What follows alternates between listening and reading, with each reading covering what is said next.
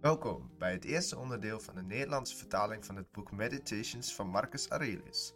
In dit boek vertelt de Romeinse keizer over zijn eigen reflectie en problemen om zichzelf als het universum te kunnen begrijpen. Dit boek bestaat uit twaalf verschillende boeken. Hierin vertelt hij dus over zijn eigen reflectie en hoe hij zelf als persoon alles beter kan begrijpen en kan groeien. Hij was echter nooit van plan om dit te publiceren, waardoor alle twaalf de boeken eigenlijk twaalf onderdelen zijn van zijn persoonlijke dagboek die hij bijhield. In boek 1.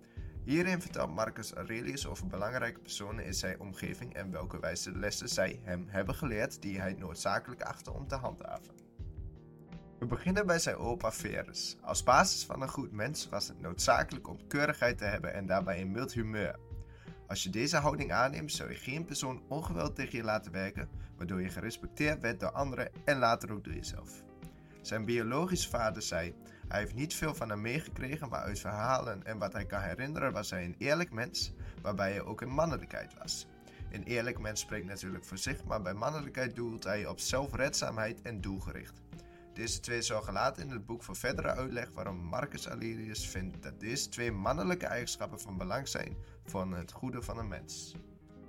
De wijze tip die de moeder van Marcus Aurelius aan hem meegaf was eigenlijk heel eenvoudig, namelijk het vermijden van wangedrag en soms de gedachte hiervan. Wat zij hiermee bedoelt is dat de neiging naar slecht gedrag leidt tot een negatief beeld die anderen over jou hebben, maar vooral je eigen zelfbeeld die je door negatief wordt aangetast. Ook zijn overgrootvader een eenvoudige les, namelijk dat je goede leermensen in je eigen omgeving aanwezig moest hebben. Dit zorgt ervoor dat je telkens positief blijft ontwikkelen door de goede stimulans van je omgeving. Door wijze mensen in je omgeving te hebben is het makkelijker en beter om zelf ook een wijze ontwikkeling mee te maken op zowel mentaal als fysiek gebied. En dan de wijze les van zijn mentor. Hij benoemt dat je in het leven veel pijnlijke gebeurtenissen kan of gaat meemaken. Ondanks deze pijn is het noodzakelijk dat je deze pijn telkens moet blijven accepteren, hoe zwaar het ook zou zijn. Ook moet je alleen met jezelf aan het werk en je niet bemoeien met de ontwikkeling van anderen. Hierdoor word je immuun tegen roddels, waardoor je je eigen zelfbeeld hier niet door kan worden aangetast. Van Diognetus het vermijden van lege enthousiasme. Wat hij hiermee bedoelt is dat je niet je enthousiasme moet halen uit dingen in je leven die voor korte duur een goed gevoel geven. Denk zowel aan een, een sigaret, denk zowel aan een biertje. Het enige enthousiasme die je volgens hem uit het leven kan halen is de duidelijke filosofische taal. Dus duidelijk met andere mensen op een normale manier praten, waardoor je beiden hier wat van kan leren. Dan komen we uit bij rusticus. Communiceren naar anderen zoals je zelf ook de communicatie terug zou willen verwachten. Hierdoor leidt dit tot een verzoening met de mensen die jou aanstoot hebben gegeven in het verleden. Wat Rusticus hiermee aan wil tonen is dat als je zelf positief opstelt tegenover mensen, dus ook mensen die jou in het verleden iets hebben misdaan, dat dit uiteindelijk leidt tot een positieve stimulans tussen je relaties met andere mensen en dus ook de mensen die jou in het verleden iets aan hebben gedaan. Apollonius zei: Wat hij zegt, sluit aan met wat de mentor van Marcus Aurelius tegen hem heeft gezegd. Het hebben van pijn en verdriet mag en nooit verzorgen dat je als mens gaat veranderen. Deze gedachte is erg belangrijk om altijd te blijven onthouden, want jij bent als persoon een uniek wezen en hierover bestaat geen goed of fout. Sextus heeft meegegeven als tip. Het is van groot belang om je echte vrienden te omarmen en met te accepteren die bijzonder op een goede manier zijn. Zie mensen die tegen je werken dus niet als mensen die minderwaardig zijn, maar als mensen die nog niet over bepaalde gedachten beschikken zoals jij die al hebt. Die mensen hebben nog lege gedachten. Alexander de Grammaticus gaf mee: het verbeteren van andere mensen moet je doen op een positieve benadering. Je moet dus mensen niet telkens wijzen op hun fouten en vervolgens hier niks meer doen. Het is van belang dat je deze mensen gaat helpen om de fout om te kunnen zetten in een oplossing, waardoor je beide iets van deze fouten kan leren. Dan komen we uit bij Fronto. Zijn gedachtegang sluit aan bij die van Sextus. Hij zegt net zoals hij dat mensen die tegen je werken te weinig menselijke affectie hebben, dus een lege gedachte. Hierin moet je dus zorgen dat de emotie niet de overhand neemt, maar juist deze mensen er bewust van maakt om ervoor te zorgen dat ze die lege gedachten opvullen met positieve ideologie die jij overbrengt naar hun.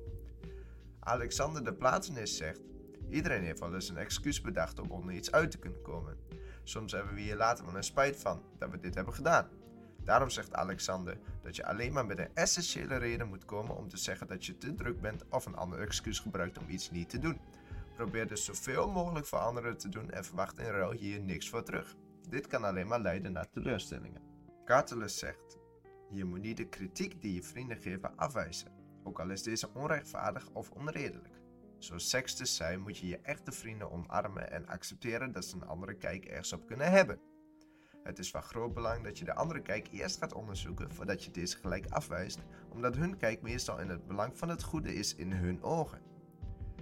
Severus zei: De basis van een samenleving ontstaat uit een grondwet die in evenwicht is en een normale gezondheid die gebaseerd is op gelijkheid en vrijheid van meningsuiting.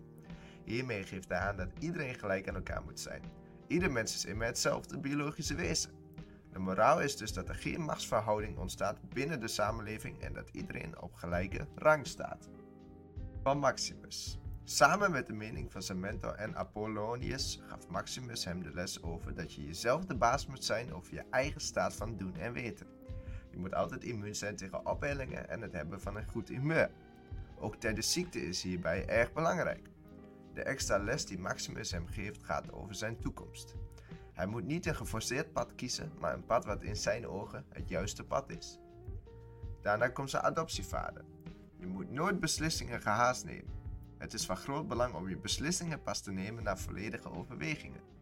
Hierbij moet je ook openstaan voor de ideeën van anderen zolang deze in het belang van het goede zijn. Je moet dus tolerantie hebben voor de mening van anderen. Comfort uit je leven is volgens zijn adoptievader ook van belang. Hij zegt dat je dit kan krijgen door je eigen trots en verontschuldiging aan de kant te zetten en dit niet te laten leiden. Hiermee heb je dus ook als gevolg dat je als mens geen daden moet plegen die noodzakelijk zijn om alleen te kunnen zeggen dat je dit hebt gedaan. Maar dit juist in het belang moet doen van de mens zonder hier krediet voor te krijgen.